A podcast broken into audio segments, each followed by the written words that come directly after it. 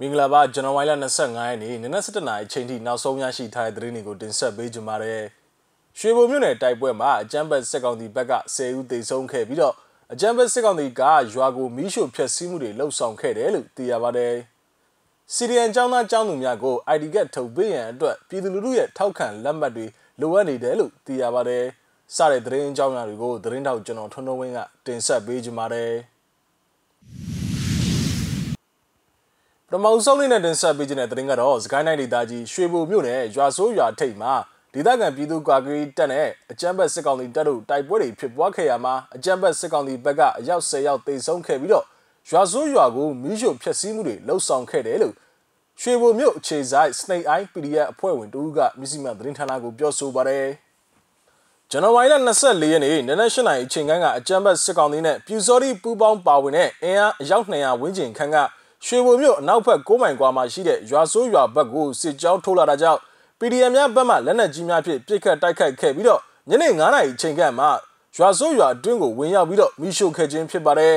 ကျွန်တော်တို့ကစပစ်တာပါမီတာတရာလောက်အကာအဝေးကနေလက်နက်ကြီးနဲ့ထုပြီးသူတို့ထိသွားတာကိုမျက်မြင်မြင်ခဲ့ရတယ်လူ30လောက်အုပ်စုတည်းမိုင်းဖောက်ခွဲခဲ့တာပါအနည်းဆုံး10ယောက်တည်တယ်ဆိုတာအတီးပြုတ်နိုင်ပါတယ်စပစ်ပြီးသူတို့ဘက်ကလည်းလက်နက်ကြီး60မမနဲ့ပြန်ပစ်တာအချက်ရည်30ကျော်ပါတယ် ရွာထဲကိုတလုံးကျတယ်လို့ Snake Eye PDF အဖွဲ့ဝင်တူကဆိုပါတယ်အဲ့ဒါအပြင်ရွာသားနှစ်ဦးကိုလည်းပြစ်တက်ထားခဲ့ပြီးတော့တရွာလုံးကိုလည်းမိရှုပစ်မယ်လို့လည်းပြောဆိုခဲ့ကြောင်းကိုဒေသခံတူကဆိုပါတယ်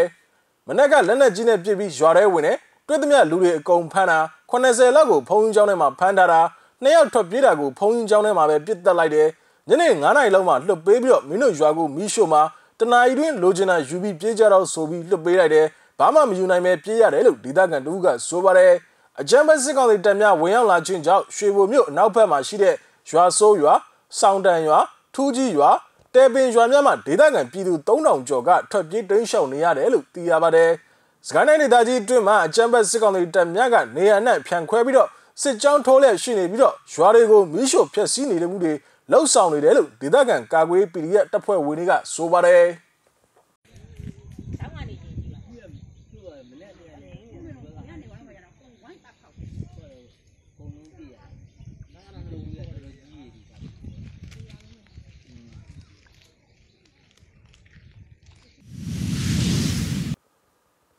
ဆက်လက်ပြီးတင်ဆက်ပေးခြင်းတဲ့သတင်းကတော့အကြမ်းဖက်စစ်ကောင်စီလက်ထက်အာဏာဖီဆန်ရေးလှုပ်ရှားမှု CDM မှာပါဝင်တဲ့ကျောင်းသားကျောင်းသူများနဲ့နန် CDM ကျောင်းသားကျောင်းသူများကွက်ကွက်ပြပြသိစေရန်အတွက်အခြေခံပညာကျောင်းသားများရေးရာအဖွဲ့ချုပ်အကရဗဟိုမှကြိုးပမ်းနေတယ်လို့သိရပါတယ်။လက်ရှိချိန်မှာဆိုပါလှုပ်ဆောင်ချက်ကိုထောက်ခံတဲ့ပြည်သူလူထုရဲ့စူပေါင်းလက်မှတ်ထိုးတဲ့လှုပ်ရှားမှုများလိုအပ်နေတယ်လို့ဆိုပါတယ်။ယခုကောက်ခံမဲ့စူပေါင်းလက်မှတ်ထိုးလှုပ်ရှားမှုဟာစီရီယန်ကျောင်းသားကျောင်းသူများကို ID ကထုတ်ပေးရတဲ့ ပြည်သူလူထုအနေဖြင့်မြင်းများထောက်ခံကြောင်းကိုစစ်တမ်းကောက်ယူခြင်းသာဖြစ်ပြီးတော့အဆိုပါလှုပ်ဆောင်ချက်ကိုလက်မှတ်ထိုးကောက်ခံတဲ့ကာလကိုဇန်နဝါရီလ24ရက်နေ့မှဖေဖော်ဝါရီလ9ရက်နေ့ထိသတ်မှတ်ထားတာပါစူပေါင်းလက်မှတ်ထိုးလှုပ်ရှားမှုတောင်းခံခြင်းဟာ Syrian Student ID ကတ်ရရှိရန်ဖောင်ပုံစံအချက်လက်ဖြည့်သွင်းရတဲ့သဘောမျိုးမဟုတ်သေးဘဲနဲ့ပထမအဆင့်စုပေါင်းလက်မှတ်ထိုးတဲ့လှုပ်ရှားမှုမှာကောက်ယူတဲ့စစ်တမ်းများကိုပညာရေးဝန်ကြီးဌာနခံလို့တင်ပြပြီးမှသာ registration form ကိုချပေးမှဖြစ်ပြီးတော့ စည်ရင်ကောက်ခံသွားမှာဖြစ်တယ်လို့ဆိုပါတယ်။ယခုကာလဟာတော်လန်ရေးကာလဖြစ်တာကြောင့်ចောင်းသားចောင်းသူများရဲ့လုံခြုံရေးအတွက် ID ကုတ်ကိုသာအရင်ဆုံးထုတ်ပေးသွားမှာဖြစ်ပြီးတော့တော်လန်ရေးကာလပြီးဆုံးတဲ့နောက်ပိုင်းမှာ၎င်းကုတ်ကို ID ကတ်အဖြစ်ပြောင်းလဲလျှောက်ထားရမှာဖြစ်ကြောင်းကိုအခြေခံចောင်းသားများရေးရာအဖွဲ့ချုပ်အကရဗဟိုမှ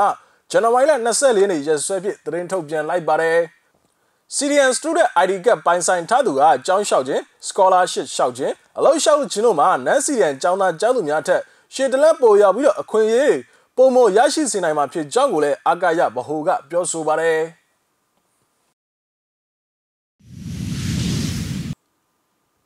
နောက်ထပ်တင်ဆက်ပေးခြင်းတဲ့သတင်းကတော့ AR တိုင်းဒေသကြီးဘိုကလေးမျိုးအမှန်9ရက်ကွက်မှာရှိတဲ့မြို့မှာဘောလုံးကွင်းရှိမှာမပေါက်ကွဲသေးတဲ့ဘုံတလုံးကိုဇန်နဝါရီလ24ရက်နေ့ညနေ6နာရီချိန်ခန့်ကတွေ့ရှိခဲ့တယ်လို့ဒေသခံများကပြောဆိုနေပါတယ်။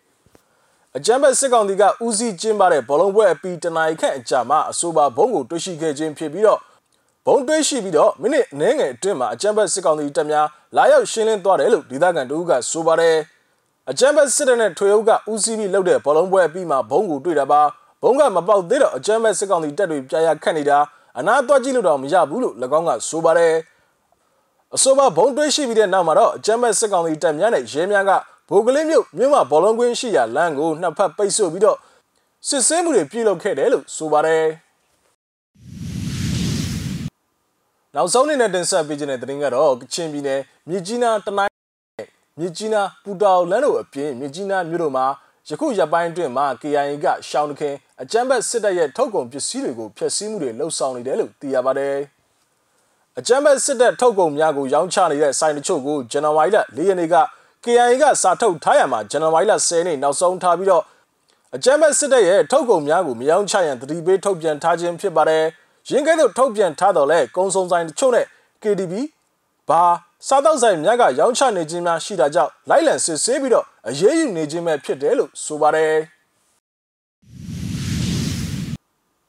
ဟုတ်ကဲ့ပါဇန်နဝါရီလ25ရက်နေ့နနက်7:00နာရီချိန်ထိနောက်ဆုံးရရှိထားတဲ့သတင်းတွေကိုကျွန်တော်တို့မျိုးစိမှာဝိုင်းတော်သားများကနေပြီးတော့တင်ဆက်ပေးခဲ့တာပါ မြန်မာပြည်နဲ့မှာနေထိုင်တဲ့မိဘပြည်သူတွေအကုန်လုံးဘေးရည်နဲ့ကင်းရှင်းကြပါစေလို့ဆုမကောင်းတောင်းအပ်ပါတယ်လက်ရှိဖြစ်ပွားနေတဲ့ COVID-19 ကရောဂါနဲ့ပတ်သက်ပြီးအထူးကူးစိုက်ကြဖို့ကိုကျွန်တော်တို့မျိုးစိမှာဝိုင်းတော်သားများကတိုက်တွန်းနှိုးဆော်ခြင်းပါတယ်နောက်ထပ်ရရှိလာမယ့်သတင်းတွေအတူတူကျွန်တော်တို့ပြန်လာခဲ့ပါမယ်